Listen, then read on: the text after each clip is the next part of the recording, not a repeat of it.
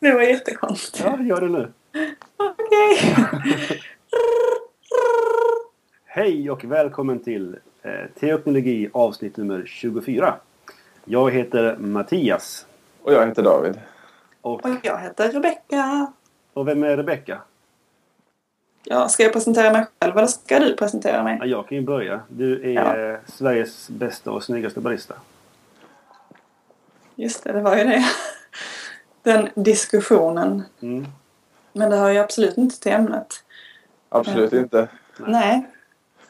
Det gör det inte. Men jag är, jobbar inte som barista men jag kallar mig själv kanske barista ändå. Jag jobbar i alla fall på eh, Johanna Nyström som är, man skulle väl kunna kalla det Sveriges största specialkafferosteri. Mm. Och kanske snyggaste också då. Om vi nu ändå ska vara inne på den. Ja men absolut.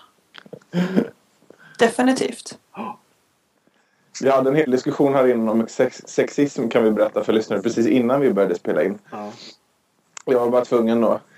Nu förstår jag för du säger det Mattias för det är din egen syster och allt det här. Men jag var tvungen att säga att nu när vi har en, en kvinna med oss i podden då, då kommer utseendet direkt upp. Ja. Ja. Man, man kan ju övertolka så. Man kan ju övertolka och jag var bara tvungen att ta chansen. Ja, det uppskattar vi. För egentligen är jag ju inte ett dugg snygg liksom. Nej, du är ju skitful egentligen. Det var inte riktigt det jag var ute efter. Ska vi släppa det eller? Ja, vi Ja, släpper jag det. Ja. Så var det borta. Ja. Tack. Men Johan Nyström, du jobbar alltså där? Okej. Jag jobbar för Johanna Nyström, ja. Eller just nu så jobbar jag inte för jag är föräldraledig just nu. Men nej förresten, jag har semester just nu. Ehm, Men jag börjar igen i augusti. Mm. Mm. Det gör jag. Och där jobbar jag som um, säljare på pappret. Ehm, där jag tar hand om, eh, om kunder. Jag sitter i möten och pratar i telefon. Ehm, och utbildar när det behövs. Ja. Tycker du om kaffe? Förlåt, vad sa du Ty, Mattias? tycker du om kaffe? Nej. Jo, det gör jag. Däremot så eh, må- måste jag erkänna att sen jag började på Johan Nyström så dricker jag mindre kaffe än vad jag gjorde tidigare. Mhm. Varför det? Ja, och du. Jag skulle väl gissa på att eh, det har att göra med att när man väl börjar uppskatta kaffe ehm, på riktigt inom citationstecken, för att det är också en tolkningsfråga. Eh, när man börjar intressera sig för det så, eh, så ställer man lite högre krav på det och då kanske man omvärderar varför man dricker kaffe och hur man dricker kaffe. Ehm, så jag dricker hellre några få koppar bra kaffe än um, en massa lut. Lut, Ja, okej. det, är, det är starka åsikter här. Ja. Är, det, är, är lut liksom fackspråk? Nej. Nej, det skulle jag nog inte säga. Nej. Nej. Icke. Ja. Vad, vad tycker du om eh, kaffe David? Jag tycker väldigt mycket om kaffe fast jag är... Alltså... Jag känner mig mer... Jag är, jag är lite, har jag insett, newbien som har ganska okej saker nu. Men, men som inte riktigt vet att hantera dem. Åh, vad spännande. Lite så är det. Så att jag, jag tänkte då sätta mig i rollen lite idag faktiskt. Nu när jag för några timmar sedan fick veta att du skulle vara med Rebecka just idag. Eh, lite som den här som inte kan någonting. För det ligger ganska nära verkligheten. Säger han lite fnissandes. ja men faktiskt så. Eh, så. Och därför tänkte jag att vi kanske skulle kunna Ja, lite tips från dig och sådär hur man kan tänka och sådär. Det tror jag det är fler Tips? lyssnare. Ja. Ja, lite så. Jag tror att det skulle vara en del lyssnare som skulle uppskatta det också. David är faktiskt den enda av oss tre som har en espressomaskin hemma. Det är imponerande. Ja. En Ga- Gaggia Classic. Det är en klassiker så att säga. Mhm. Ju. Nej men det är det faktiskt. Det är en klassiker bland hemmabaristor. Ja, Skulle den är bättre än vad jag är. Skulle Är du nog... helt säker på det? Ja, ganska. Du är det. Kvarnen är ju ganska viktig också skulle jag vilja påstå. Just det. Jag har Kanske till och med en- viktigare. Eh, Gaggia eh, MDR 2 MDR. eller något sånt där. Okej, det säger mig inte jättemycket. Jag är inte, jag är inte väldigt så här bevandrad inom just hemmabarista-prylarna. Nej, det förstår jag och det är inte jag heller. Nej, Så. du får lära känna din lilla kvarn och din lilla maskin helt enkelt. Det är en, Ja. en, en Gaggia MDF du har. MDF heter det. Ja. Just det. Jag tror det är Sonys minidiskprylar som heter MDR. Det är inte Ja, samma ja. sak. Det, det är saker som går på el. Ja, precis. Men David, hur kom du in på, på eh, kaffeintresset? Det är din brors fel. Det är min brors fel. Ja, på riktigt faktiskt. Eh, för att, jo, nej men alltså. Och det var inte så på ett stort sätt så. Utan det var bara för att Mattias började prata om det. Ja. Och då började jag och Katri, min fru, prata om det. Eh, och då blev det liksom att vi började dricka mer kaffe bara hemma och testa lite olika sorter. Och så var det liksom små, små steg på den vägen. Liksom. Mm. Så, eh, och så kände vi då, för att börja dricka latte ute, bland annat där du har jobbat. Om jag inte minns fel. På Eller? barista eller? Ja, precis. Just det. Eh, och, och sådär. Och tyckte det var så gott. Så då ville vi ha, eller jag ville väldigt gärna ha en espressomaskin och drev det ganska hårt. Och så Mm. fick jag någon sån här kombinerad brygg espressomaskin som var jättedålig. Åh, en sån där skön hela, eller halvautomatare. det lät som Ja. Mm. Ja, precis. Jo, men verkligen så. Eh, men det var i alla fall en början liksom. Och sen så gick espressomaskindelen sönder. och så gick det ett halvår av irritation över det där då. Eh, och sen så, så hade jag då ja, tjatat helt enkelt tillräckligt länge för att det skulle bli en. Och då var, gick vi fel ände vet jag att ni experter säger. Men vi skaffade, vi skaffade Gaggia-klassikerna som maskinen. Espressomaskinen först. Ja. Eh, och så har vi haft den i två år typ. Och sen fick jag en kvarn i julas då. Okej, så du menar att du, du, har, du har använt den och så har du köpt malt kaffe eller? Precis. Just det. Och det är ju fel väg att gå vet jag ju då att alla säger. Men så gjorde vi. Ja, ja, men nästa gång så, så gör du rätt liksom. Ja, precis. det får man nog säga. Nej, Men men dricker du, dricker du bara Dricker du bara espresso-baserade drycker? Eller dricker du även bryggkaffe liksom?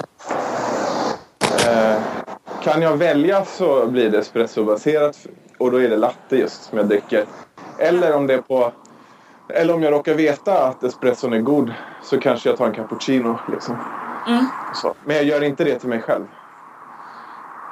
Du gör inte cappuccino till det? Nej.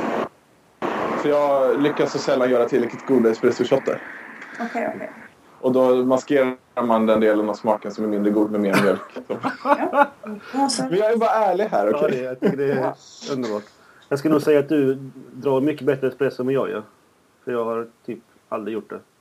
En, Men det är, det är väldigt, väldigt svårt Ja. att lyckas på en, på en hemmamaskin måste jag säga. Ja. Okej, det är i alla fall en liten tröst.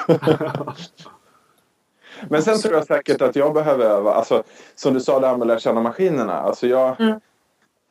När vi byter espressosort, det är inte som att jag testar olika inställningar på kvarnen. Liksom. Fast jag Nej. vet att jag borde göra det. Oh ja, det borde du göra. Kaffe beter sig jätte, jätte olika beroende på vad det är ifrån och hur det är rostat. Definitivt. Men eh, varför är det dumt att köpa färdigmalet kaffe då? Ja. ehm, jag, höll på, jag höll på att fråga dig, köper du färdigskivat bröd? Men det, just det, det gör ju folk. Men det, det är kanske samma sak där. Nej men om man tänker, man ska tänka på kaffe som ett livsmedel som vilket annat som helst. Ehm, vi kan väl säga så här, köper du en, en, en banan som redan är skalad? Nej, det gör du ju självklart inte. Eh, och det gäller samma sak med kaffe, att det är ju ett, en, det är ett livsmedel som, eh, som inte mår bra när det, när det redan är liksom ja, men färdigmalet. Mm. Det förlorar så otroligt mycket arom. Man brukar säga att eh, kaffe som är malet håller sig bra i 10 minuter. Oj, Ja. Och det är även om man har det vakuumförpackat och i frysen eller? Jo ja, och jag skulle inte direkt rekommendera någon att sätta kaffe i frysen om det inte är så att du ska vara borta under en längre period. Och i så fall så skulle jag stoppar hellre bönor än malt kaffe i frysen. Mm.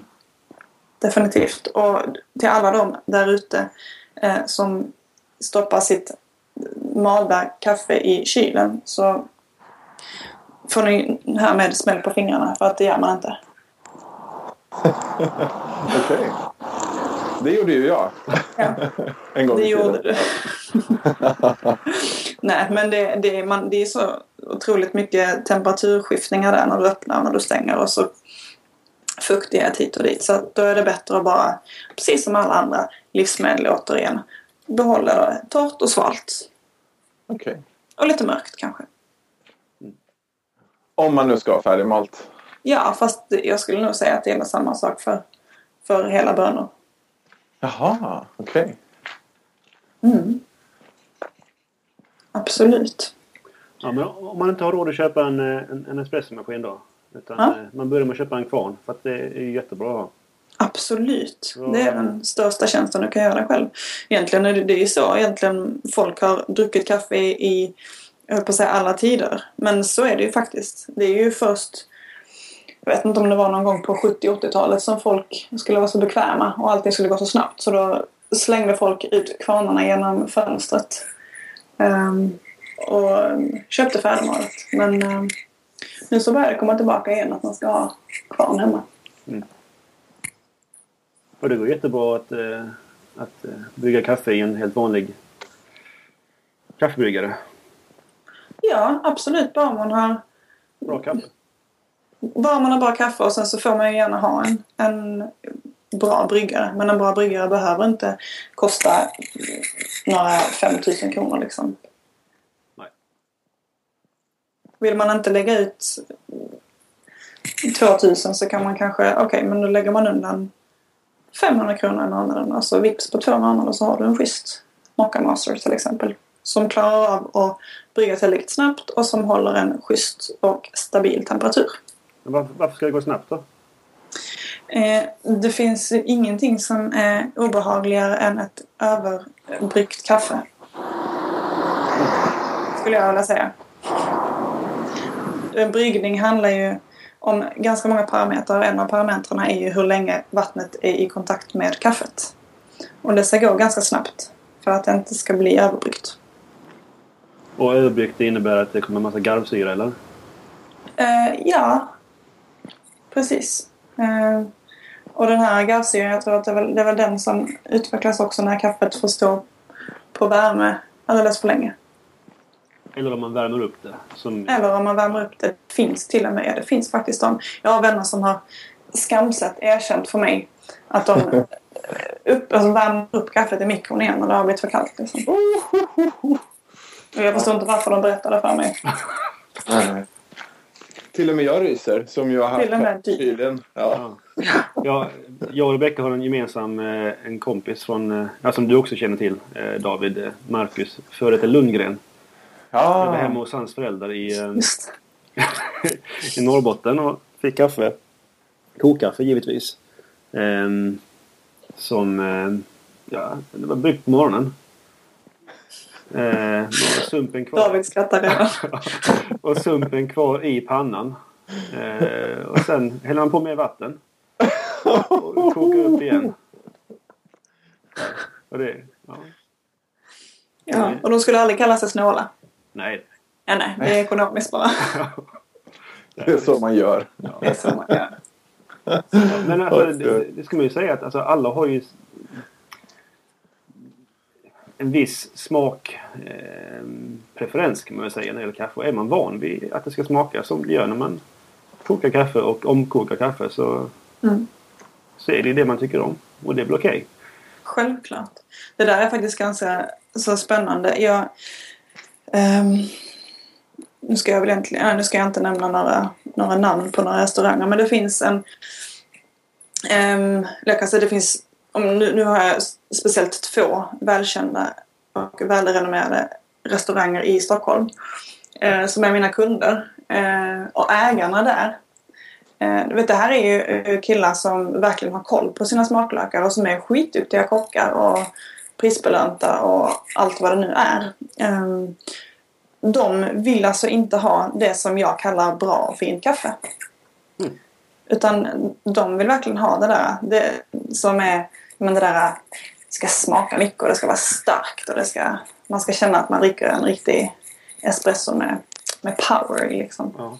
Ja. Eh, Så att få dem att, att eh, köpa exklusivt och i mina ögon riktigt bra kaffe det är ju svårare än svårt. Just det. Och visst är det ju så att vi svenskar vill ha väldigt starkt kaffe generellt sett. Ja men det har liksom blivit så. Ja. Det har blivit så. Jag vet inte riktigt varför.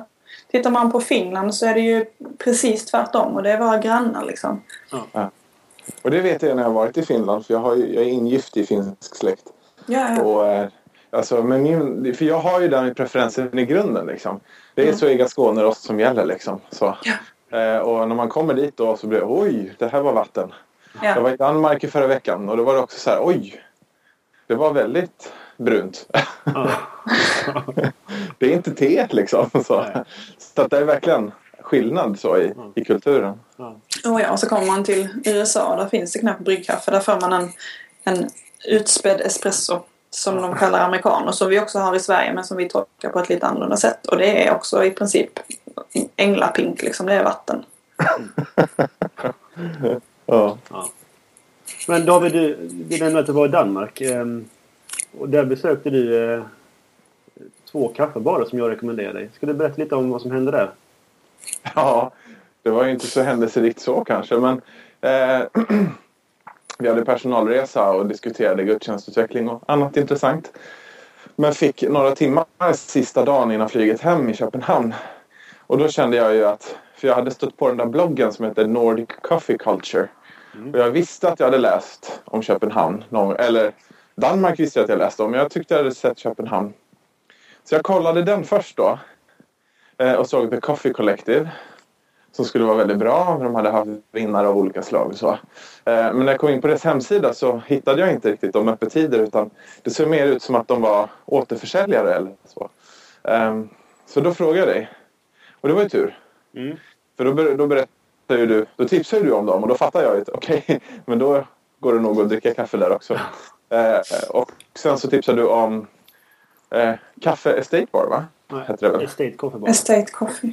Estate Coffee Bar, ja så. Eh, och den ligger ju faktiskt sjukt nära centralstationen i Köpenhamn. Eller sjukt nära gör den inte, men, men det är inom tio minuter liksom. Ja. Så en kollega och jag promenerade dit eh, och drack kaffe där och det var väldigt gott. Tyvärr drack jag inte samma dryck på båda ställena utan tog en latte där, men den var väldigt god.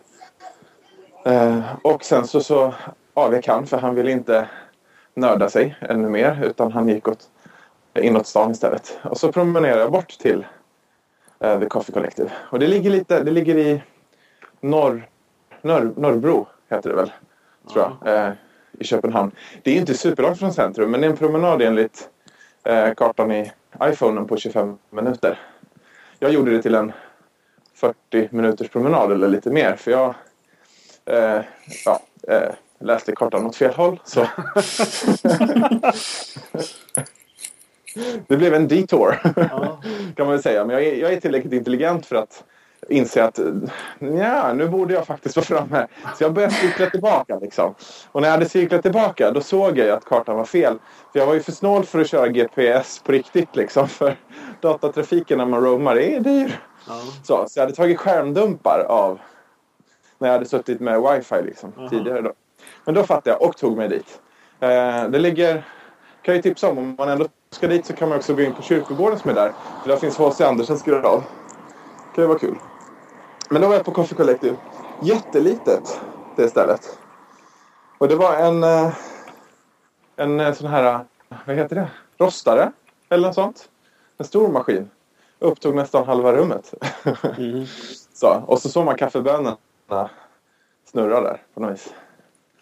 Eh, och så... Skrattar ni bara? Eh, och så beställde jag en cappuccino och så köpte jag ett par påsar av den enda espresso-kaffe de hade då. Eller bönor då. Så, eh, och så njöt jag av den. Och den var verkligen... Det var mer, nu har jag väldigt sällan druckit cappuccino. Just för att jag sällan uppskattar det. För jag tycker det blir för beskt liksom. Så. Eh, men det där var genuint riktigt, riktigt gott. Liksom. Så jag hade egentligen velat köpa mer men jag kände att äh, jag hade druckit ganska mycket koffein den dagen redan. Så, det... så var det. Gå gärna dit om ni har chansen. Eh, lyssnare. Och den närmaste stationen är ju lätt värt det därför att det är ju så nära också. Men har ni lust att gå en promenad så promenera bort dit för det var, det var nice. Men se till att hålla kartan på rätt håll. Ja, exakt. Just det. Liten brasklapp där. Precis. Ja. Just det. Men Coffee Collective är ett väldigt, väldigt bra ställe. Jag har eh, faktiskt inte haft eh, eh äran att besöka stället. Men däremot så, så har jag prövat deras kaffe eh, ett par gånger. Klaus Thomsen är en av, eh, en av grundarna där. Jag tror att det var, om det var 2001, tror jag. Eh, nej, jag kan, jag kan säga fel. Hur som haver så har han vunnit WBC, alltså World Barista Championship. Oho. Mm-mm. Så det är inte dåligt. Nej, det var det inte. Och det märktes ju där att de var extremt duktiga. Ja. Ja. Så var det ju synd att det inte var någon ännu mer duktig på det här som kunde säga mycket mer smarta saker om det. Ja. Jag kan ju bara säga det, att det var väldigt, väldigt gott. Det är väl gott nog så att säga. ja. Ja, jo men det är det väl. Vad tycker Rebecca om Estate eh, Coffee? Frågar du mig för att du redan vet vad jag tycker? Att du Ja. vill liksom... Precis. Okej. Ehm, eh, nu har inte jag prövat deras kaffe på ett, på ett ganska bra tag. Men eh, jag är inte... Jag är inte fullkomligt övertygad men jag ratar inte det heller. Nu. Eh, min erfarenhet är att de rostar kaffet väldigt, väldigt, väldigt ljust. Ehm, och hellre ljust än mörkt. Men det som händer när man rostar kaffe så himla ljust är att det smakar så, Det är så mycket gräsiga toner och det är liksom omoget. Det är väldigt syrligt också. Ja, otroligt syrligt. På ett inte jättetrevligt sätt. Ja, det är väldigt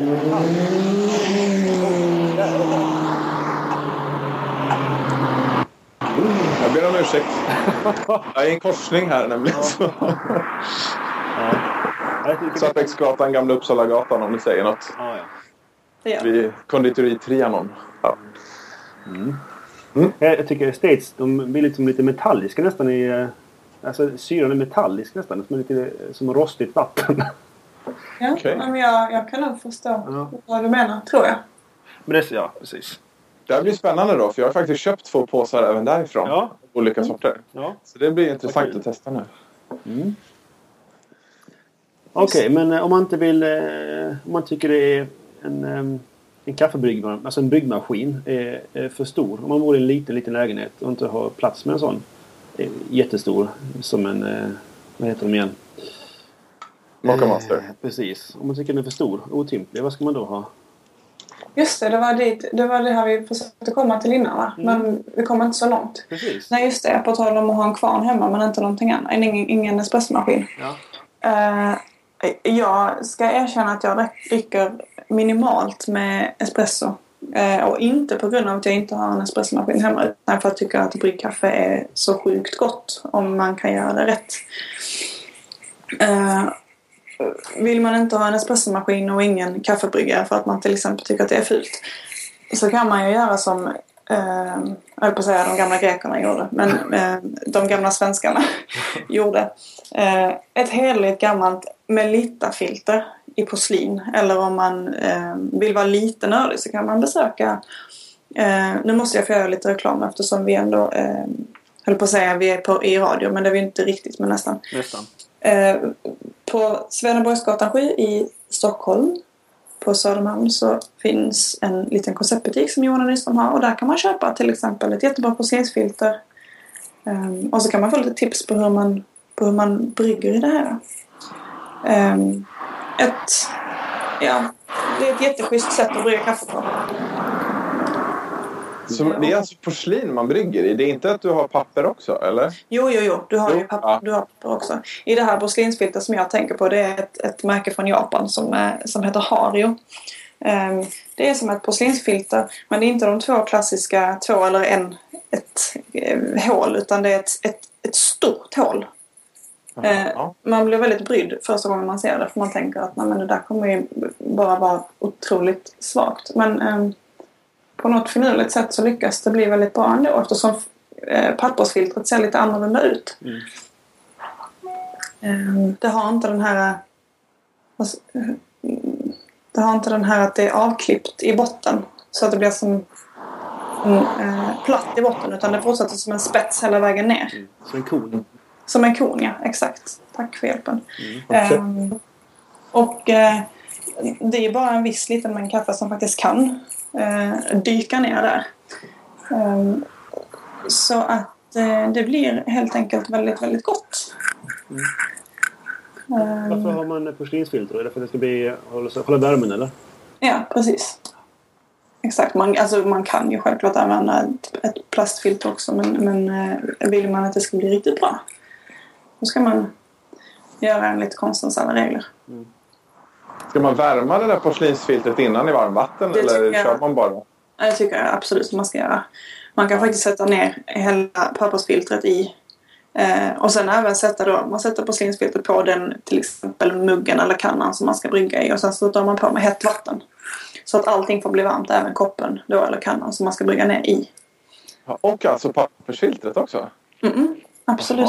Du vill att det ska vara, det, ska ju gärna vara, vara blött och gärna lite varmt innan också. Det som risken annars är att kaffet tar smak av helt enkelt papper. Ah. Yes, yes. Och det är därför man också ska brygga i vita papper. Inte de här naturbruna. Eh, för de smakar med. Okej. Mm. Men sen nämnde du Aeropress innan. Det är ju eh, Mm. nästan Det, är som en, finns. det är en ro, rolig eh, uppfinning. Och det blir otroligt gott. Mm. Det är en gammal... Tror att... Eh, nu får du hjälpa mig Mattias. Ja. Visst är det någon snubbe ifrån... eh, Om det är USA eller någonting som förut har designat... Är det typ frisbees eller Alltså, någonting? det är ett företag som heter Aerobi. Som, eh, eller Aerobi. Och de gör... Sådär. Eh, frisbees och eh, eh, såna här amerikanska fotbollar med vingar som man kan kasta jättelångt. Och massa annat konstigt. Fotbollar med vingar nu. Ja. Då tänkte jag nästan på Harry Potter. vi, vi länkar till dem. Ja. till Harry Potter eller till... eh, Nej, till, eh, till jag skojar. Fot, fotbollen med vingar. ja. Precis, och de har ju, de har ju tagit fram Aeropressen då som är en, eh, en, det som kallas kaffepumpen. Mm. Det ser även ut som en bröstpump. Eller en penispump. Just det. Men det får man inte säga på radio. Nej, nu gjorde vi det. Det ser ju också, om man ska vara lite oskyldig ut, lite ser ut som en sån här som man ger medicin genom. Till barn. Ja, den är lite för stor Fast för det. stor liksom. Man ger medicin till elefantbarn genom den. Just det. Ja. Nej, men den är, väldigt, den är väldigt finurlig i alla fall. Ja. Får man, väl- får man väl säga. Där har du, den är liksom i, i tre delar. Dels då själva behållaren för kaffet och vattnet. Och sen så har du pumpen. Och sen så har man själva filterdelen som är en liten svart moj längst ner. Eh, och det är så otroligt enkelt. Du lägger bara i ett litet pappersfilter i eh, filterdelen. Eh, sätter fast den på eh, behållaren. Ner med kaffe. Eh, på med hett vatten. Och så får det bara dra en liten, liten stund. Och sen så bara pressar man. Eh, och det som händer är att det bildas ju ett luft, litet vakuum mellan kaffet och pumpen, eller pressen om man ska kalla det. Eh, och det är så bra för då behöver man inte brygga det särskilt länge. Då, pratar vi, det, då kommer vi till det där med hur länge kaffet ska vara i kontakt med vatten för att det inte ska bli beskt och överextraherat. Du slipper verkligen det då. Det blir gott. Det blir fantastiskt gott. Och det blir sta- ganska starkt också ofta. Om man... Eh, Ja, det beror ju helt på hur man väljer att, precis. att, att brygga det. Det är det, är, det är det som är så kul, att man kan brygga det precis som man vill. Du Ja. kan i princip nästan, bara, men bara nästan brygga en espresso där också. Så det är en- en billig espressomaskin kan man säga. Jo, ja. Men jag, jag, jag har aldrig bryggt den här espresson i den. Utan jag, jag använder det till eh, brygg, bryggkaffetyper. Mm.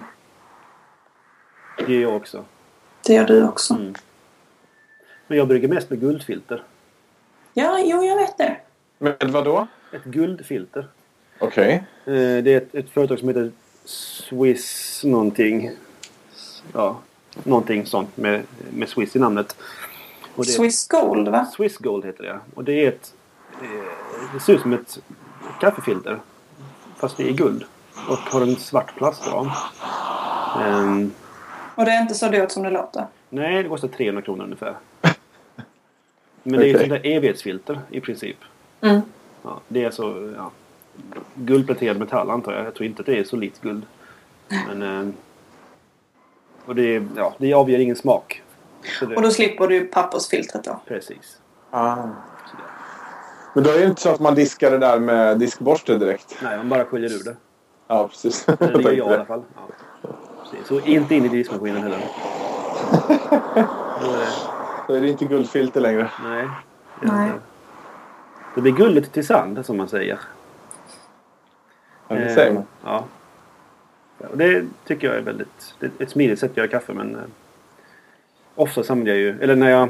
När jag har fina kaffen hemma då är det ju Harion som jag använder. Porslinsfiltret som Becka pratade om tidigare. Ja. Även kallat V60 om man skulle springa på den. Ja. Jaha. Men de är ju kvarnar också, Hario. Mm. Eh, och det är också ett, ett alternativ. Den är ganska dyr. Du tänker på den lilla handkvarnen eller? Precis. Mm. Precis. Det kostar ungefär 600 kronor tror jag. Ja, beroende på vad man, vad man Ja. hittar. den. Precis. Och den är ju... Så. Där. Ehm, inga Jag försvann lite bara, ursäkta. Ja, ja, vi också. Vi hörde inte så mycket. Nej, Men, okej. eh, eh, Hario-kvarnen är ju en... En handkvarn med eh, keramiskt... Eh, ett koniskt keramiskt malverk. Oj, vad du kan. Ja, jag har en syster som håller på med sånt där. Sådär, Och är ganska intresserad själv också. Eh, Så att det blir ju att man nördar sig. Ja. Ehm, Den har jag fått av en god vän. Eh, En gång. Den är ju perfekt att ha med sig. Oh ja. Ehm, Och om man tycker att en, en elektrisk kvarn är för stor. ehm, Så är den ett bra alternativ.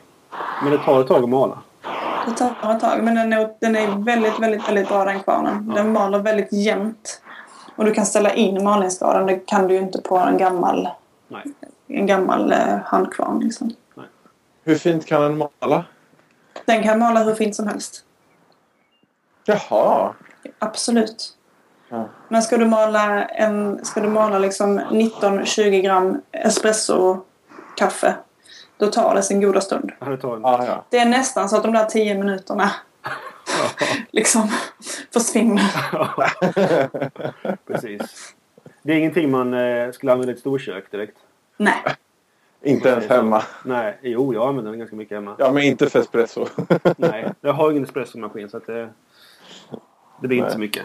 Jo, det har du sa du ju. Din Ja. eh, lilla aeropress. Aeropressen ja, men jag gör inte espressokaffe med den. Nej. Poor man's espresso machine. Ja, eller, eh, co- eller Coffee Lovers espresso machine. Det också. Så, Mm. Men annars är ju eh, den här eh, Hario eller Skarton-kvarnen Ja, plus aeropressen är ju det optimala vildmarkskittet. ja. Verkligen. Det, är det. det häftiga är ju att också att det här är ju då eh, inte samma märke, aeropressen och kvarnen. Men sätter man kvarnen, om man tar bort själva liksom behållaren på kvarnen där kaffet åker ner. Om man tar bort, eh, separerar de två delarna från varandra så passar alltså ördelen på kvarnen på behållaren på aeropressen. Perfekt. Hoho! Det är häftigt. Mhm. Man skulle nästan kunna tro att kaffevärlden är en väldigt liten klick. Eventuellt är det det. Eventuellt så är det så. Som alla andra nördkretsar. Ja. Men om man skulle köpa en, en elektrisk kvarn eh, som man vill ha hemma. Vad Mm. ska man köpa då för någonting? Eh, Då ska man köpa en kvarn som heter Wilfa. Det är den där norska kvarnen. Det är den norska kvarnen ja. Ja. Är den, Den är jätte, jättebra. Ja. Den kan man hitta, jag tror man kan hitta den på i princip alla stora elbutiker som finns. Och den är jättebillig. Den är skitbillig. Vad är det den kostar? En femhunka eller någonting? Ja, 600-700 kan man få den för. Eh, Jag tror, jag, tror nästan att man kan få den lite billigare på olika ställen när de kör så här eh, kampanjer. Och det, det roliga med den är att den har sålts för typ 200 kronor på Coop. Det är vansinnigt. Ja, men det var innan den blev känd. Just Den det. har ju sålt under massa namn. Så det är sån här kvarn som eh, Ja. massproduceras. Och får eh, ja, lite olika etiketter. Beroende på var den säljs. Mm. Den är väl lite ersatt eh, instegskvarnen eh, Dualit. Som Ja, också finns. Men är ganska ojämn i kvaliteten kan man väl säga. ja, de är väldigt eh, eh, individuella alla exemplaren. Ja. skulle jag vilja säga. Och ehm, den är inte prisvärd om man jämför med Vilfan. Nej, men den är snyggare. Den är mycket snyggare. Vilfan är ganska ful. Ja, men har man ett skåp så kan man gömma den där i. Ja. Och bryr man sig inte så kan man ha den framme som jag. Ja, det kan man också göra. Men den är ful. Den är ful. Men eh, den maler bra. Ja. Och det är ju faktiskt eh, det som är viktigast. Ja. Men Om man är sådär snuskigt rik som eh, jag inte är. Mm. Vad ska man då köpa för kvarn? Eh, du menar för hemmabruk? Ja, Då kanske man skulle kunna köpa en Matzer Mini. Det är en sån du har? Nej, det är det inte alls det. Nej, jag har en Compact En K6. K6 ja. Och Nej, Vad, förlåt. K3. vad kostar en, Ja. en, en Matzer Mini? En Mats... Oh, det, nej, du får inte ställa sådana frå- svåra frågor. Jag är säljare men jag vågar inte svara. Kanske för att jag aldrig har sålt en Matzer Mini. Nej. Men ska jag mellan tummen och pekfingret så skulle jag gissa på att den kostar någonstans mellan eh, 6 och 9 tusen. Mm. Det var ganska så stort. Det är ett stort prisband kan man säga. Ja, jo det var det. Men, men om jag måste chansa liksom. Den är lite dyrare. Men varför ska man köpa en sån?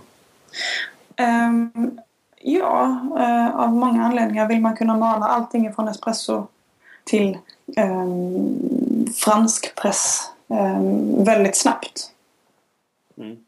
Eh, och väldigt jämnt. Eh, Så, så är det ju en sån kvarn du ska ha. Jag rekommenderar att lägga ner. Ska du välja mellan en, ehm, en riktigt bra espressomaskin för hemmabruk eller en riktigt bra kvarn så är det kvarnen man ska lägga krutet på. Mm. Absolut, för det är egentligen där ehm, the magic happens. Mm. Så är det. Och en espressomaskin då som, eh, som inte är så dyr då. Som kan eh, matcha den här matsen ganska bra. Ehm, Det finns inte eller? Alltså det finns ju inte någonting som direkt motsvarar den. Skulle jag nog inte säga. Men, eh, men det beror ju på hur mycket pengar man tycker, eller hur lite pengar man tycker är lite. Eller om man, Om man, om man, om man ska uttrycka sig. man har en budget och eh, man vill ha en jättebra kvarn. Och sen så har man bara råd att köpa en, en lite mindre bra espressomaskin. Mm. Vad köper man då? Då till exempel frågar man David Silverkors vad han har för espressomaskin. Och så kan man säga att man tycker att, man, att, att de ska köpa den som han har. Ja, Eller inte just hans ex men kanske ett, då, ett, ett, ett likadant. en likadan. Mm. Ja. Det är väl ett Ja, gott men- betyg till eh, vad han har valt. Ja, det är det. Och eh, det kan vi väl då nämna igen att det var en Gagga-klassiker. Just det. Vi eh, länkar till den också. Ja, men det är väl en bra idé. Ja. Det är rätt- ganska mycket länkar här nu säger jag. Ja. Ja. Men eh, om vi då ska diskutera lite här då. Nu kanske jag gör mig faktiskt dummare än vad jag faktiskt är. Men, men det är bättre att börja så tänker jag. Mm. Eh, om jag ska göra, för jag, jag råkar ju ändå tro i alla fall att det är väldigt många som har espressomaskin. Eftersom Mm. det har varit och kanske fortfarande lite är en fluga. Och så. så hur gör man en bra espresso generellt sett? Generellt sett. Eh, Ja, så man inte tänker ja, utifrån en viss maskin utan man tänker en, en hygglig hemmabruksmaskin, en Gagga Classic eller ja, en motsvarande annan liksom. Mm. Eh, Det beror lite på hur, hur petig man vill vara och sådär. Men det handlar ju för det första om att hitta ett, ett kaffe som man gillar. Eh, och där går ju eh, åsikterna verkligen isär. Men, eh, men välj ett kaffe som du gillar och eh, så går du fram till din eh, älskade kvarn. Och så försöker du till att början hitta rätt malningsgrad. Och espresso-kaffe är ju eh, ganska så finmalet. Men om man tänker sig att man vill ha en mängd kaffe som är på ungefär i en hemmamaskin kanske vi snackar 16-17 gram, kanske 18. Um, ehm, och så ska du försöka hitta en malningsgrad där, eh, där resultatet i koppen blir ungefär 2,5-3 centiliter kaffe. Och där det inte forsar ner och det droppar inte hela tiden heller utan du vill hitta en liksom en vad ska man säga? Det ser ut som ungefär kanske en, en liten råttsvans brukar man, brukar man uttrycka det som.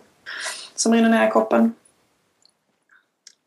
Eh, och espresson får inte vara för blek eller alldeles för mörk. Så att den är bränd när den är färdig. Och om du då, om du då droppar när man har när man eh, ja, sätter igång och bygger. Just det, nu ska vi vara så pedagogiska. Ja precis. Då har man ju mm. alltså för finmalet kaffe. Antingen för finmalet kaffe eller för mycket kaffe i filtret. Ja. Och om det forsar ner så är det tvärtom. Ja, antingen för lite kaffe eller för grovmalet eller både och. Ja. Eller man kan ju också tampa det för hårt eller? Ja, jag skulle nog inte säga att det spelar jätte, jättestor roll. Nej. Och alla de som har hört att man ska trycka med 15 kilos tryck. De kan ju tänka om. Jag, jag säger till alla mina kunder att det handlar helt enkelt bara om att hitta en skön känsla. Du, ska inte, du ska inte dutta på kaffet. Men du ska heller inte känna efter ett... Nu säger jag till mina kunder efter ett jobbpass, men efter att du har druckit dina ja, x antal espresso per dag. Du ska inte känna att det gör ont i armen, liksom, eller att det är jobbigt. Och man behöver heller inte köpa en sån här klickmatta som säljs på många ställen. Som klickar till när man har tryckt 15 kilo. Det tycker jag bara är larvigt. Utan hitta en skön balans bara. Ja, det är bara att man pressar på lite grann och så är det bra sen, ja. eller? Ja, absolut. Och när du tampar så tamp, försök tampa väldigt jämnt. Man kan testa sig själv genom att... Och just det, det som man måste, måste berätta. Det är att när man köper en espressomaskin så får man oftast en, eller en kvarn, kanske det är vanliga. Så får du oftast en liten tamper med. Och den tampern ser i princip ut som en liten plastbit. En rund plastbit. Släng den och så går du och köper en ordentlig tamper istället. Åh! Oh. mm. ja. Jag har en kan ja. få David. Vad sa du? Jag har en du kan få. Åh, oh, vad snällt. Hoppas att det är rätt diameter bara. Ja, vi får se. Mm. Ja. Precis. Nej men släng den och köp en ordentlig. Vad, mm. vad, var det, vad var det jag pratade om? Vad skulle jag komma till? Om att göra en bra espresso och det här med att det inte... Alltså du var inne på det här med att pressa för hårt eller löst. Ja, tampa jämnt. Ja, just det. Tack man kan testa sig själv om man tampar jämnt genom att när du har, när du har tampat så låter du tampen sitta i handtaget och så lyfter du upp den framför näsan. Och så kan du se om tampen ligger snett eller rakt i själva eh, handtaget. Eller bajonetten om vi ska prata baristaspråk. Mm. Um, bajonett? Bajonett, okay. ja. Det kallas så faktiskt. Hur töntigt det än må låta, men det är ju en töntbransch. eh, nej men det är väldigt viktigt att tampa jämt. Så att du, eh, det som händer annars är att vatten fungerar så att du alltid tar den snabbaste vägen. Om du har tampat snett så kommer ju så kommer ju vattnet att ta liksom den kortaste vägen. Där det är liksom som lägst, där kaffet står som lägst.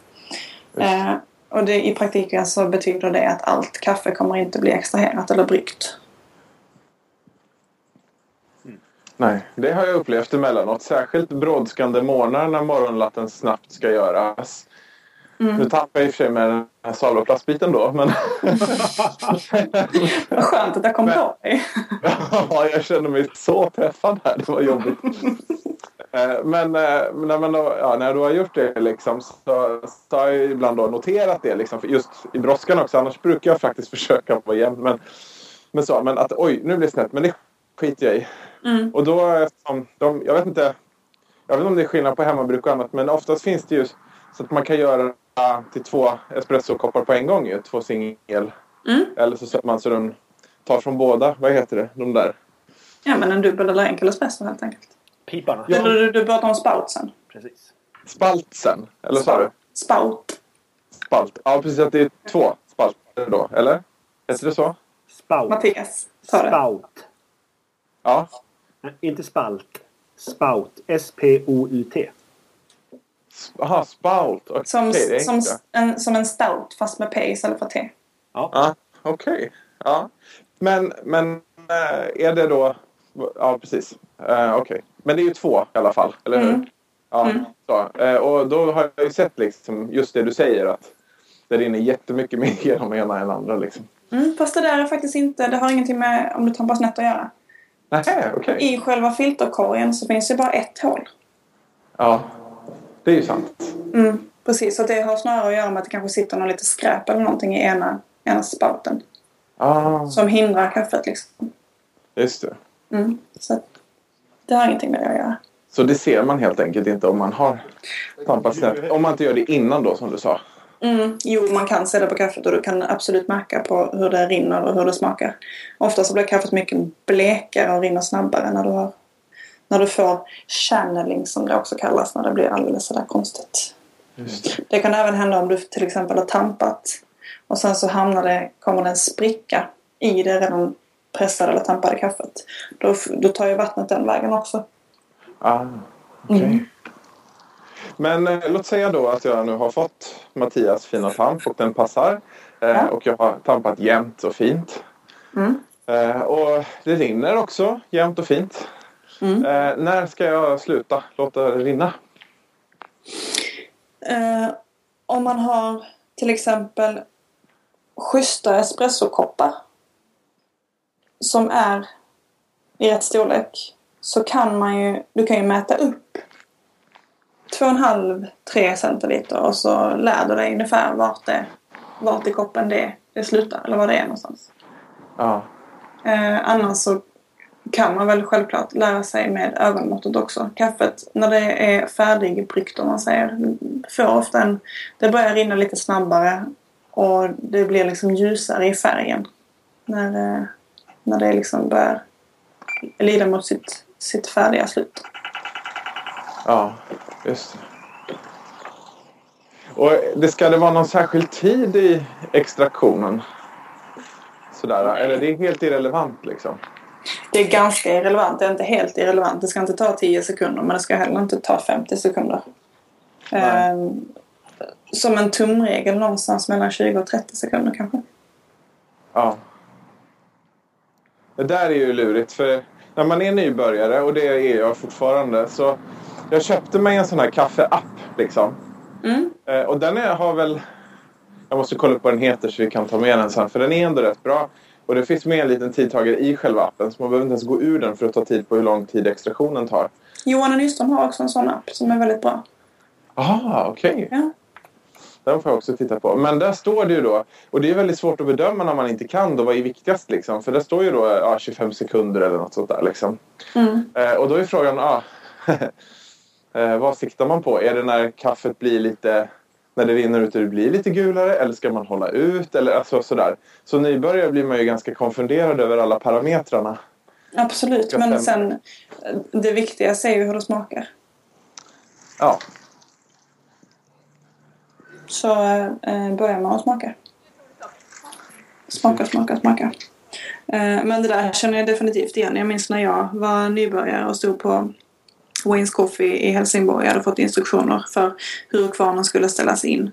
Stod jag där på morgonen. Jag vet inte hur många timmar jag har eh, spenderat åt att stå och försöka ställa rätt maningsgrad på, kvar, på kvarnen för att det skulle rinna, kaffet skulle rinna på 25 sekunder. Eh, och det är ju fullkomligt vansinnigt. Där står jag med min tidtagare eh, och eh, slösade hur mycket kaffe som helst för att få till som jag ville ha det. Och sen så kanske den första kunden kom, öppnade dörren så att det kom in lite kallluft och sen så ställde kvarnen om sig liksom. Så var det ogjort. ja det, är bara inte, det är kul att höra att andra också har varit nybörjare. Det bara känns skönt här just nu. Ja. Allt löser sig liksom. Ja, Ja. absolut. Okej, ska vi prata eh, kaffesorter? Alltså, ehm, olika kaffe man kan köpa och mala och brygga. När du säger kaffesorter, vad menar du då? Alltså bönor. Bönor som är ursprung eller Allt. allt? Om du tänker dig eh, någon som har eh, vuxit upp med till exempel det Svegas Skånerost och sen Mm. råkar få smaka ett etiopiskt kaffe någonstans som Mm. är, är rostat med varsamhet och, och kärlek och sådär. Och så känner de åh, finns det kaffe som smakar gott också? Som man inte behöver ha mjölk i liksom. Ja, precis. Som man, ja, som man kan dricka utan mjölk. Ja. Och så tänker de men vad ska jag köpa för kaffe? Vad är det här? Och, Alltså, vet, de vet inte vad det är för kaffe de har smakat. Okej. Och så vill de eh, ja, hitta. Så vill de hitta det. Och då pratar vi liksom i en stad, vilken som helst i Sverige. Nej men, eh, ja precis. Var som Mm. helst. Var någonstans? Oftast så finns ju de här eh, bra eller de här bättre kaffena finns ju oftast inte i dagligvaruhandeln. Utan du får kanske begära dig till någon, någon liten eh, te och kaffebutik hörna någonstans. Mm. Ehm, och fråga dig fram. Men eh, eh, det lättaste, och det säger jag nu inte bara för att jag jobbar på det företaget. Det som är lättast att få tag i det är oftast Johanna Nyström. Och det är det är Eh. störst helt enkelt. Ja, precis. Bland specialkafferosterierna. Mm. Exakt. Exakt. Uh, så finns det självklart mindre rosterier som man kan hålla utkik efter också. Eh, I Göteborg till exempel finns Damateo. De är väldigt duktiga. Och i Stockholm finns det, på att säga en uppsjö, men det finns, finns eh, ganska många. Eh, Drop Coffee bland annat finns. Eh, David Haugård är otroligt duktig. Han finns på lite olika ställen. Eh, Åre kafferosteri. Eva och Per uppe i Åre. Jätteduktiga. Det är några som man kan hålla utkik efter. Och vill man få, få tips på eh, kaffe så kan man ju eh, besöka en del hemsidor. Eh, till exempel finns det ett, ett community som heter riktitkaffe.se. Som ju eh, blir kul. Eh, Mm. där, där, där tar kaffenördheten nya höjder. Oh ja. Ehm, Sådär. Och där finns det eh, trådar med eh, dagens kaffe. Alltså man får rapportera vad man har druckit idag. Ja. Enkelt och sådär.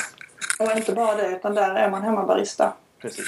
Och har en, en kvarn och en espressomaskin så kan du ju få oändligt många tips där. Ja. Precis. Vad eh, föredrar du för kaffe nu, Rebecka? Just nu. Just nu. Eh, jag är väldigt, väldigt, väldigt förtjust i etiopiska kaffen. Mm. Som är soltorkade, som det kallas. Och vad innebär det? Förutom att de är soltorkade. Eh, det innebär, man brukar prata om två, eller egentligen tre, men vi tar två huvudtyper av hur man processar ett kaffe efter att det har blivit plockats. Ehm, det vanligaste, det är det som kallas den tvättade metoden. Eh, och då skalar man helt enkelt av i princip allting på kaffet. Kaffe är ju ett bär. Kan man väl behöva nämna också. Mm. Då skalar du av allting och så puttar man ner det i stora bassänger med vatten. Eh, Där det får ligga och fermentera eller jäsa lite. Eh, och de kaffena blir väldigt så här, rena och lite syrliga i smaken. Medan ett soltorkat kaffe, där tar du helt enkelt kaffebönan som den är. Lägger ut den på stora bäddar, som det kallas, eh, i solen. Eh, och så får den ligga och torka med fruktkött och skal och hela, hela balletten på. Eh, och så går, går man och, eh, och vänder på det här hela tiden så det ligger och steker lite i solen. Liksom, eller torkar. Mm. Eh, och det som händer då det är att kaffebönan suger åt sig jätte- jättemycket frukt och sötma ifrån själva fruktköttet. Och sen så eh, eh, hivar du ner kaffet i eh, en maskin som skalar bort eh, allting. Och kvar blir en söt liten böna. Ja, en skön liten rackare liksom. Mm. Och står det här på påsarna liksom på något vis? Ja, det ska det göra om ingenting är fel. Ja. Absolut. Då står det ju ursprung, vilket land det är ifrån. Eh, och om man har tur så står det även vilken gård det är ifrån. Om det nu är från en specifik gård eller om det handlar om ett, ett kooperativ kanske. Mm. Ehm, Och så- framgår det då det här med soltork och om det är tvättat? Ja, det ska det göra. Ja. Det ska det definitivt göra. Eh, ja, ofta så brukar det stå en liten smak, smak och smak och luktbeskrivning på påsen också. Och även rostdatum. Så att du blir garanterad ett färskt kaffe. Och vad, vad är ett färskt kaffe? Det får inte vara rostat? Det får inte vara rostat för fem månader sedan. Liksom. Nej. Utan vi pratar väl... Eh, köper du ett kaffe som är rostat för en vecka sedan så har du fått tag i ett riktigt bra kaffe. Mm. Eller i alla fall ett bra rostdatum. Mm. Ja. Eh, kaffet utvecklas ju i smak från dagen det rostas och framåt liksom. Mm. Mm, och eh, man brukar väl, ja kaffet pika som man brukar kalla det på lite olika dagar beroende på vilket kaffe det är. Men runt eh, 7 till 14 dagar Mm. skulle jag väl säga att det, det är bäst. Helt nyrostat kaffe är inte gott. Eller? Nej, det, det blir ofta lite speciellt kolsyraaktigt i, i smak. Och ofta en ganska så otrevlig syra. Och det beror ju på att det avger gaser. Första Mm. Det är därför det finns en ventil på, eh, på kaffepåsarna. Det är väl därför det ska finnas en Ja. ventil. ja, precis. Inte alltid det finns det, men oftast. Ska vi prata rättvisemärkt? Vad, eh, är det någonting bra? Eh, jag vet inte om jag har rätt person att fråga. Eller det är väl klart att det är bra att det är rättvisemärkt. Eh, och att bönderna får det de ska ha. Men rättvisemärkt är absolut inte synonymt med bra kvalitet. Nej. Tyvärr. Men eh, Eh, många av Jon och Nyströms kaffen är ju till exempel inte eh, rättvisemärkta. Sa du att de inte är det eller att de är det? Ja, många av dem är ju inte det. Nej, det stämmer. Men det innebär ju inte att det är dåligt kaffe för bönderna, eller hur? Nej, vi har någonting som kallas direct trade till exempel. Där vi har direktkontakt med bonden istället. Utan några som helst mellanhänder. Mm. Eh, och det innebär att vi kan betala dem en, en liten extra slant. Så att de kan köpa sig till exempel en ny kossa eller vad det nu kan vara de behöver. Att de Mm. behöver bygga ut någonting på kaffefarmen eller vad det är. Ehm, och så får vi en, en otroligt personlig produkt och kan påverka den. Hur vi vill att den ska behandlas till exempel. Vi har en kvinna i, i eh, Rwanda som heter Emmy Gatsinga. Eh, som vi har ett stort samarbete med. Vi köper allt hennes kaffe. Eh, och det är vanligtvis tvättat. Men vi ville pröva att soltorka det en gång. Så då, då gjorde hon det åt oss. Och det blev jättegott. Ja, det var gott. Det var det. Nu har man ju börjat soltorka i, eh, i, eh, i Mellanamerika också. Du tänker typ Panama? Precis. Och det beror ju på att det har hänt saker i Etiopien.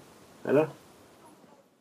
Eh, jag, skulle, jag vet inte om det har att göra med att det har hänt saker i Etiopien. Eh, men, eh, men det händer ganska mycket i, i kaffevärlden i stort. Mycket på grund av alla klimatförändringar som, Mm. som, som sker. Och om ni tycker att kaffet har blivit dyrare på sistone så har ni ju helt rätt. Mm. Alla där ute. Eh, och det är inte för att eh, det finns företag som vill tjäna massor mer pengar utan det har helt enkelt att göra med att det är brist på kaffe. Eh, det är många, många stackars bönder som har fått se sina skördar totalförstöras på grund av att vädret beter sig fullkomligt galet. Eh, och då är det också väldigt svårt att få eh, småproducenter att fortsätta och att producera ett bra kaffe. Eh, I sådana här tider så vill ju, då är det snarare så att då fortsätter man med, eller att man massproducerar istället. För att få in sina små slantar. Och det finns ju några väldigt stora aktörer på eh, marknaden som köper upp så i princip allt kaffe. Mm, vad, du, vad tänker du på då? Nej, men Nestlé till exempel är ju. Du, nu hör inte jag dig. Vad sa du? Nej, men I USA finns det ju många stora eh, företag som köper in extrema mängder kaffe. Mm, Eh, framförallt från Brasilien. ja. Som ju också är det, mest, eller det största kaffeproducerande landet. Precis. Ehm, sådär. Och, jag menar, jag tror att Starbucks är en av de största inköparna av kaffe. Oh, ja. Eh, och de köper ju in nästan bara rättvisemärkt tror jag. Mm. Eh, Det har de nog börjat med nu ja. Mm. Och det är väldigt kul. Men det innebär att de får en väldigt, väldigt stor andel av där. Mm. Nu försvann den. Vad sa du? Nej, jag, hör, jag hörde ingenting. Nej. Jag hörde mig själv. Det är bra. Ja. Nej, men det du sa väl var att Starbucks köper eh, en väldigt stor andel av, av i princip allt rättvisemärkt kaffe som finns. Ja. Eller? Det var det du sa? Det var det jag sa ja. Ja. Ehm. Så, att alla sådana här mikrorosterier som det heter, de är ju verkligen eh, mikrorosterier. Alltså Oh, ja. enormt eh, små. Mm. Det var ju en liten...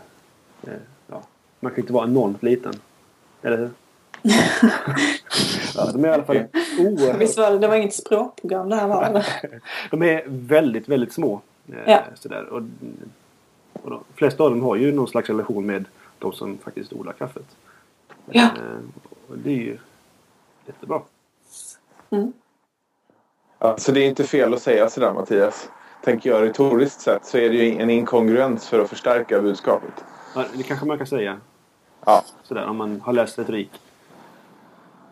Där, du har ju du. Ja, fast väldigt begränsat. Jag vågar inte säga ja. Din fru har gjort i alla fall. Ja, hon är bättre på det än vad jag är. Jag försöker fuska mig lite till det där. Mm. Men vi kan gå tillbaka till kaffet igen. Mm. Har du någon mer fråga? Nu när du har Sveriges bästa och snyggaste barista hos oss. Alltså jag, jag känner att jag, jag har fått ut väldigt mycket av det här. För det är väldigt mycket av ett nytt för mig. Eh, Mm. och väldigt intressant. Så. Eh, men alltså. Är det så att det bara finns två slags bönor?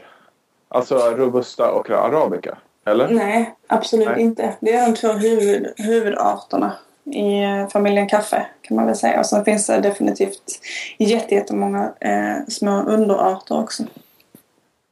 Jaha, okej. Mm.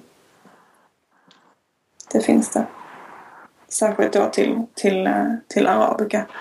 Man brukar prata om i allt, allt vad det nu heter, typica och eh, i Colombia finns det eh, nu har jag glömt namnet på det bara, bara för det. Catura heter det. Mm. Eh, jätte, jättemånga olika. Mm. Men för enkelhetens skull så pratar man om, om eh, arabica och robusta. Och robusta det är det man dricker i Italien framförallt. Eller? Just det. Italien som är, och de är så himla duktiga på kaffe. Eller hur var det nu? Det beror kanske på, det kanske beror på var, i, var man råkar hamna i Italien. Vi, vi var ju i Rom för ett par år sedan, du och jag. Med eh, Ja. mina föräldrar och min fru och min dotter. Mm. Det var ju lite roligt. Och mina föräldrar. Ja, precis. Dina. För vi är ju syskon. Ja, de också. Ja, De var också där. ja. Det var det. Och där gick vi på några olika kaffebarer och drack jätteäckligt kaffe. Mm. Det var kul. Det var jätteäckligt kaffe. Ja. Ja. Okej. Ja. Varför var det Eh, äckligt då? För att det var dåligt. det, ja. Det, när vi säger att Italien är bra. Det, är- det är ju eh, väldigt ironiskt och sarkastiskt. Eh, men de, däremot så det är ju de som har gjort mycket av kaffekulturen. Liksom. Eh, och de har en fantastisk kaffekultur. Men, Men, eh, så man måste det- säga att det också beror ju på vad man tycker om. Absolut. Eh, För på det här kaffeforumet riktitkaffe.se där är det ju väldigt många som verkligen tycker om den italienska stilen på kaffe. Ja, precis. Det har ju med smak att göra. Ja. Eh, Och vill man ha den där riktiga En, en käft, käftsmällen liksom. Då är det ju en, är det. en, en robusta man, man ska satsa på. Ja, Som till exempel La Bomba som ni säljer. som vi säger ja. Ja. Eh, en riktig, Ja, en riktig känga. jag. Om man nu tycker om att få en känga i munnen så får man dricka sånt kaffe. Precis. Mm. Det får man. Men man dricker inte 100% robusta. Det gör man bara inte. För att det inte finns eller? Det säljs i princip inte. Nej. Men det här kaffet som jag berättade om tidigare, Mattias. Som jag, Ja, en, en av mina bästa vänner, hennes, hennes kille kom hem från Elfenbenskusten med en, en påse kaffe. Eller två stycken, en till, en till eh, dem och en till, en till mig och, och Marcus. Eh, och det var, eh, det var rent ut sagt vidrigt att smaka. Mm. Det, det smakade som eh, blomvatten och bränt gummi. Det är ju en dålig kombination. Det är en fruktansvärt dålig kombination. Det var, det var, det var faktiskt vidrigt rent ut sagt. Ja, jag hade ju en, en liknande upplevelse när jag, när jag gjorde ett försök att börja rosta kaffe. Eh, då, då köpte jag kaffe hos, eh, i, alltså råkaffe på Saluhallen i Uppsala och eh, försökte rosta det och det gick sådär. Eh, ibland gick det bra och oftast gick det åt eh, skogen. Men eh, då var det en kompis till mig som reser mycket och var i Etiopien och köpte hem det dyraste kaffe han kunde hitta på eh, den lokala marknaden där han var. Ehm, och tog hem det och det rostade jag och det var inte gott. Sådär. Du tog inte en kopp till liksom? Nej, jag gjorde inte det. Jag tror jag fick typ eh, två kilo Åh, hjälp. Oj. Eh, han fick tillbaka en del av det kan man säga. Ja, du kunde ha haft det som dekoration annars någonstans. Ja. Liksom. Det är, ganska, det är väldigt vackert med råkaffe. Mm, det är det. Och De är ganska Det goda, de är goda att, att, bita på. Ja, det har jag aldrig upplevt. Men, men jag har inte... Jag har inte stoppat sånt i munnen. Det är som små stenar. Precis. Och, ja. Sen vad, vad var det jag skulle säga? Det var någonting... ehm, nej, det var nog ingenting. Det, men det hade med, med att rosta kaffe att göra.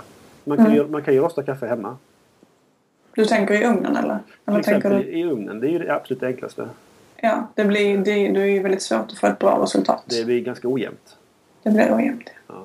Men man kan göra när man känner för det.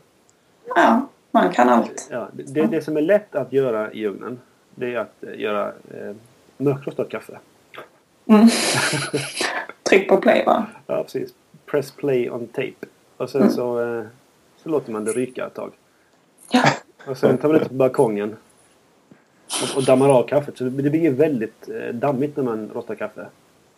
Mm. Det skalet på kärnorna det, det spricker ju och, och åker loss. Eh, sådär. Mucilaget som det också kallas. Precis. Så- Mustaschen. Mustaschen kommer av. Mm. Ehm, mm, För att det ser ut som en mustasch när den kommer av, inte eller? alls. Men, det, men, eh, Nej. Men eh, det det heter lät som mustasch. Okej. mus, mucilage. Aha, okej. Mm, precis. Precis, precis. Mm. Snart så, eh, så måste jag mata mina vandrande pinnar. Ja, De ser så himla smala ut. det ska du få göra. Du ska få ge dem lite kaffeblad. Ja, Lite mucilage kanske. lite mucilage. Får åka ner till Jon och Nyström och hämta en, ett ton mucilage. Ja. Och eh, Precis. mata dina vandrande pinnar. Jag har också vandrande pinnar. Men eh, de sover. De sover. Ja. Precis. Eh, De skrek ganska mycket före. Ja, ja, ja. Innan de somnade. Men Mm. Jaha. precis. Min vandrande pinne ligger också och sover som en stock. En vandrande Som stock. en stock. En vandrande stock. Åh nej. Det funkade. Ni skrattade i alla fall. Ja. ja. Det gjorde vi. Ja. Nej, men det här var jättetrevligt.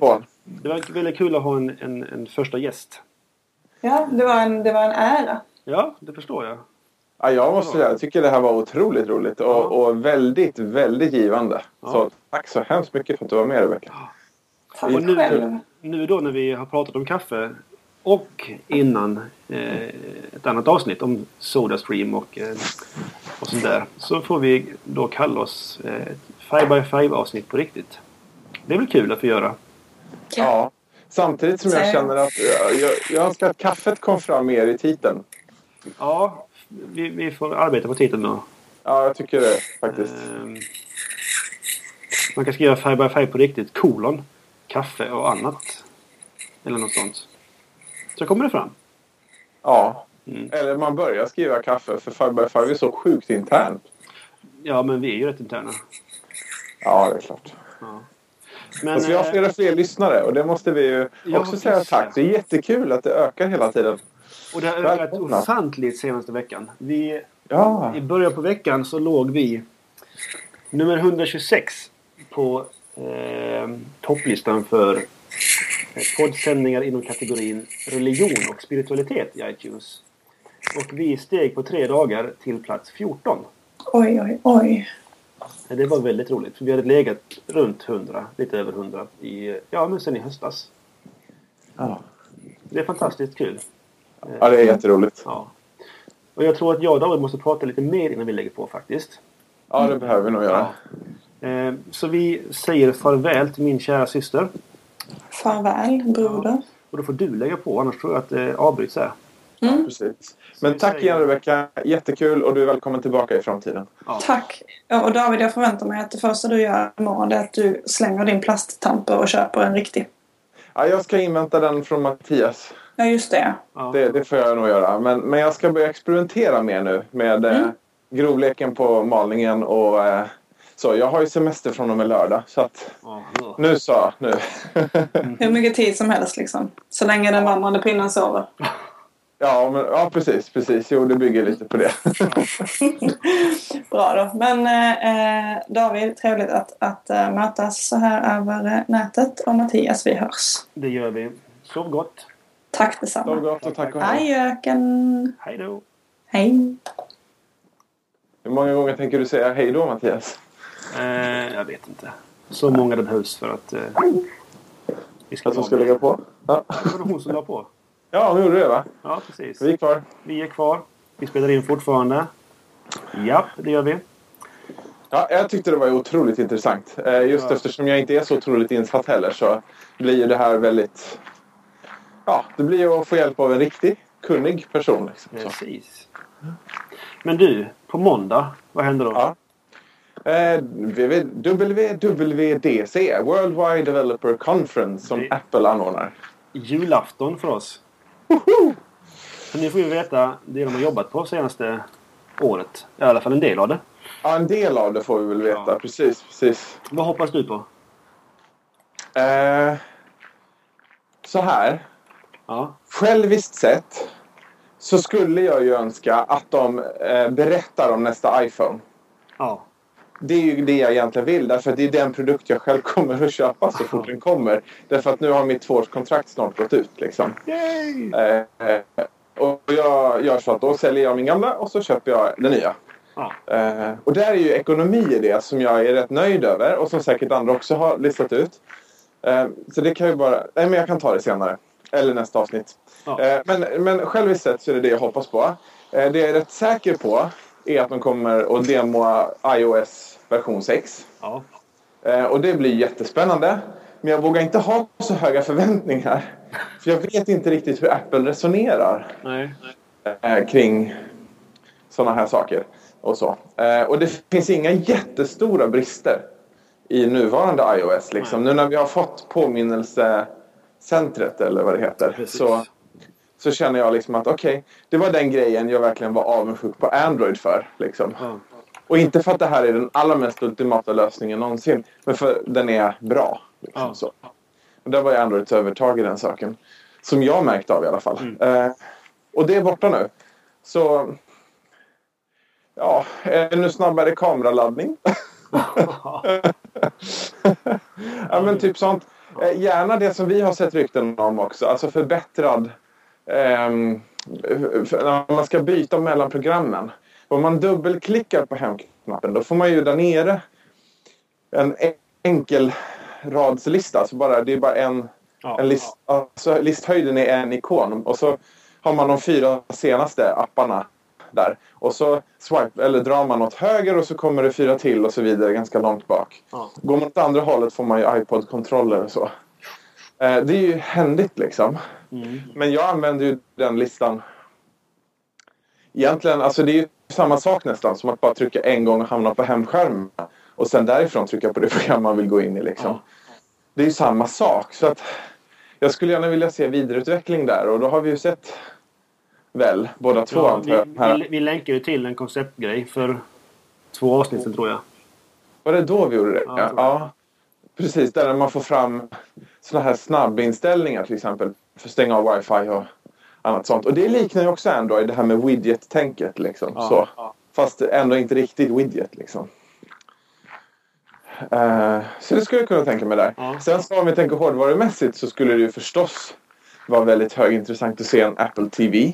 Mhm. En riktig, alltså riktig TV-apparat. Liksom, Ja. så. Eh, ja.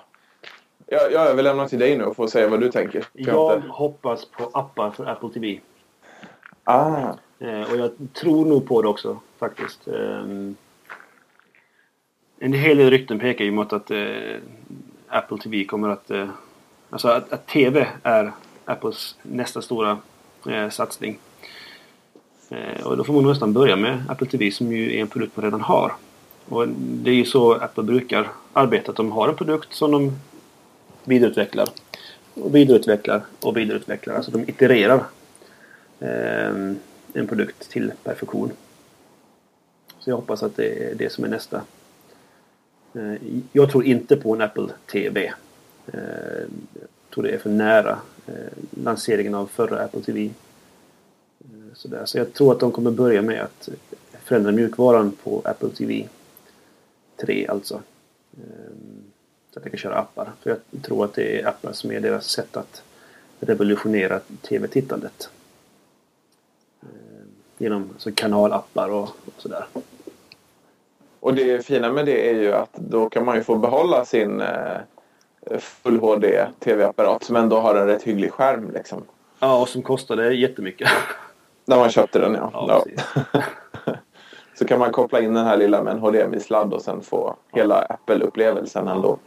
Så den är ju grym, Apple TV. Verkligen jättebra. Det är den? Ja, Ja, Jag har ju en.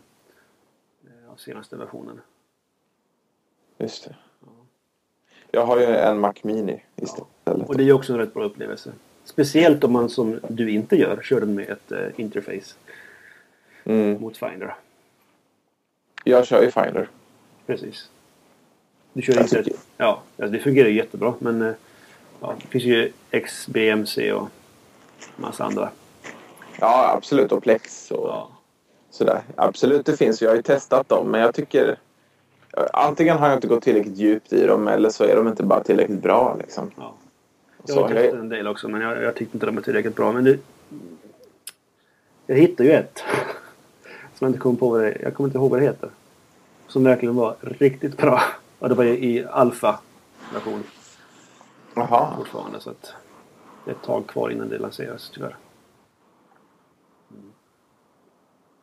Nej, så det är väl egentligen det jag eh, väntar på. Mountain Lion lär vi få se. Såklart. Ja, just det.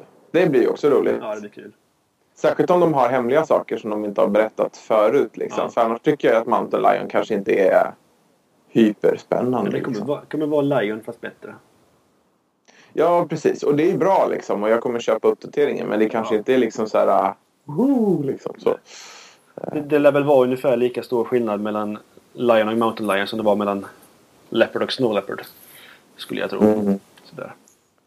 Men eh, det är inte så dåligt det heller. För jag minns att Snow Leopard, det var ju verkligen en, en underbar upplevelse att skaffa det.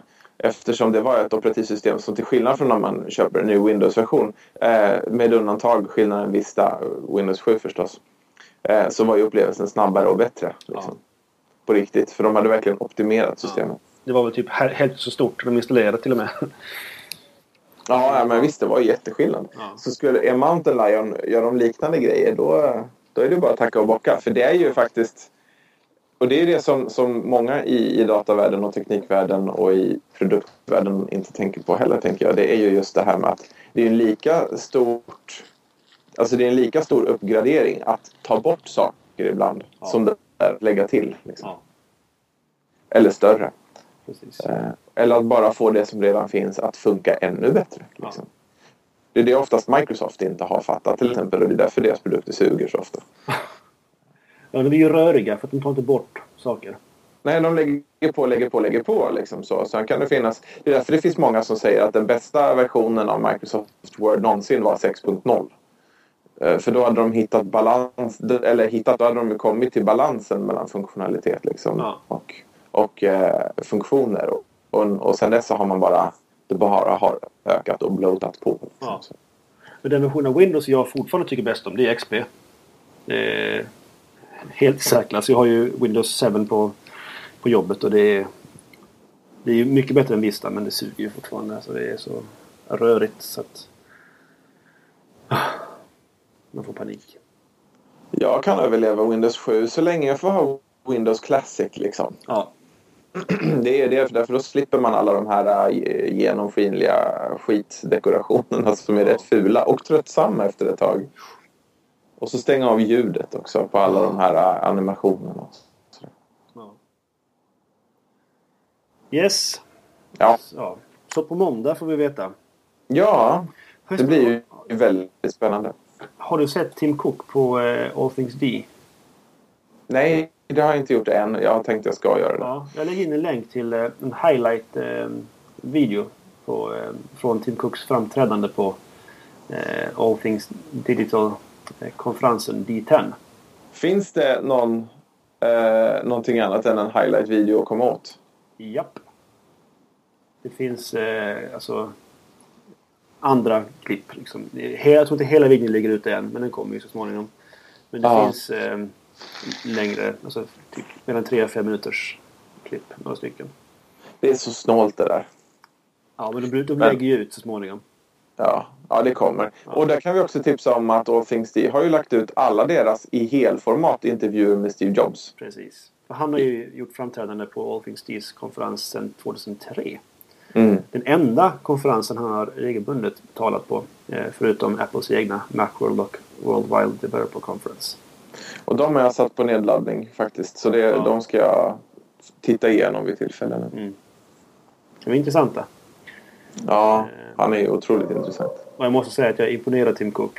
Eh, Det, det märks att han har jobbat på Apple i 13 år.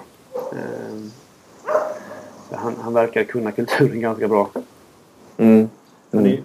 mycket, eh, inte lika passionerad som Steve Jobs i sitt framförande men han är... Han verkar ha ungefär samma strategi. inte säga för mycket. med andra ord. Nej, precis. Men ändå liksom, ge hänvisningar till vad, vartåt det bär. Mm. Så det är kul. Det intressanta är ju egentligen inte att ha en, en Steve Jobs till utan det intressanta är ju hur man förvaltar arvet av Ja. honom. Alltså, till exempel, man behöver ju inte vara sammansatt som person på det sättet som han är sammansatt. Liksom. Utan det räcker ju att man har tillräckligt mycket begåvning och intelligens i teamet som leder Apple att fördela vilka är det som klarar av motsvarande uppgifter och Ja. dela ut det på det sättet. Liksom. Precis. Så att man samarbetar och uppnår motsvarande effekt. Ja. Liksom. ja, nu är klockan eh, mycket igen. Ja, den är jättemycket. Och du vill Jag har min ja, sista arbetsdag imorgon inför semestern. Så att eh, jag ska nog gå hem och lägga mig. Jag hörde inte vad du sa. Eh, jag har min sista arbetsdag imorgon inför semestern. Eh, och den är, känns ju viktig att vara laddad för. Så att jag tror att jag ska gå hem och lägga mig. Jag hörde inte vad du sa. Okej, jag håller micken ännu närmare. Hör, hör du mig nu? Jag, har hört alldeles utmärkt. Jag vill inte höra. Du, ah, det är det det är. Okej. Jag började med mig jobba i fredags. Ah, fast då borde du vara grymt taggad Jag är istället. grymt taggad. Jag ligger i startgroparna för att dra igång sommarkyrkan här ute. Ah, Det är ju en av årets stora högpunkter. Höjdpunkter för mig. Okej. Det blir väldigt kul. Så... Oh, fick feedback också ju. Ja, visst ja! Av Efter Gabriel. diagramsavsnittet. Ja, Gabriel Fjellander. Ja, tack för det. Det, var vä- alltså, det är så härligt att få den här Ja. typen av konstruktiv feedback. För det gör ju att vi har någonting att, att eh, tänka utifrån, va? Ja. vad ni tycker. Ska jag, Jag har inte- den. Ehm, här. Tjena! Säger han. Och jag ska inte läsa hela men det han säger i princip är ehm, Han tyckte att vi hade lite föreläsningsstuk på um, Enneagramprogrammet. Ehm, att det var för lite, samtal och för mycket att redogöra. Ehm, det var för mycket fakta. Ehm, så det, och det kan man väl kanske förstå. Ja, sådär. Och vi kanske får prata om enagrammet igen. Samtala mer. ja Det finns mycket Det kan vi göra. säga. Tror jag. det gör det nog. Men vi får hitta en annan approach helt enkelt. Ja. Då. Och det är inte aktuellt att göra på samma sätt heller. För att Nej. planen den gången, även om jag kan förstå vad Gabriel är ute efter, var ju att riva igenom så att man fick en helhetsbild. Liksom. Ja. Sen är, håller jag med, det kanske inte är det vanliga formatet för vår poddsändning. Liksom, så. Absolut. Och kanske inte heller det format som vi ska eftersträva. Liksom. Nej. Men vi testade det och sådär. Ja, precis. Vi, vi prövar ju sig fram hela tiden. Det gör vi definitivt. Men jag tror att han hade rätt i en sak. Eh, och det skrev han ju där också. Att jag, tror, och, jag tror också att det blir bäst eh, när vi bara pratar. Ja. Eh, Alltså när det blir samtalet liksom, Ja. kring, kring någonting. Det kan gärna vara att någon är mer påläst. Men, men, men att det blir samtalet mellan oss. Liksom. Ja. För det är då jag själv också blir mest engagerad. Och Mm. rimligtvis är det väl då man som lyssnare också kanske tycker det är mest spännande. Precis. Men skriv gärna vad ni tycker till reagera teoknologi.se. Eh, vi heter Teoknologi på Twitter och vi finns på Facebook. Du heter Turfjäll med H och J och E. Mm. Eh, och jag heter eh, Silverkors. Som det låter. Ja. Ja. På Twitter alltså. På Twitter, precis. Och lämna väldigt gärna recensioner på iTunes. Både positiva och negativa. Men absolut helst positiva såklart. Eh, eh, vi är inte rädda för kritik. Eh, det är det vi lever på kan man väl säga. Eh, Absolut. ja. Som sagt. iTunes-recensioner är det bästa sättet för oss att få nå ut till nya lyssnare. Och det, Ja, det är har, det. vi ju, har vi ju definitivt gjort eh, i och med förra veckans avsnitt. Och det är väldigt kul. Det är det verkligen. Mm. Så stort tack till er som lyssnar. Det är roligt. Väldigt kul. Mm. Okej, då säger vi så. Det gör vi. Tack för den här veckan. Tack själv. Hej Hej då.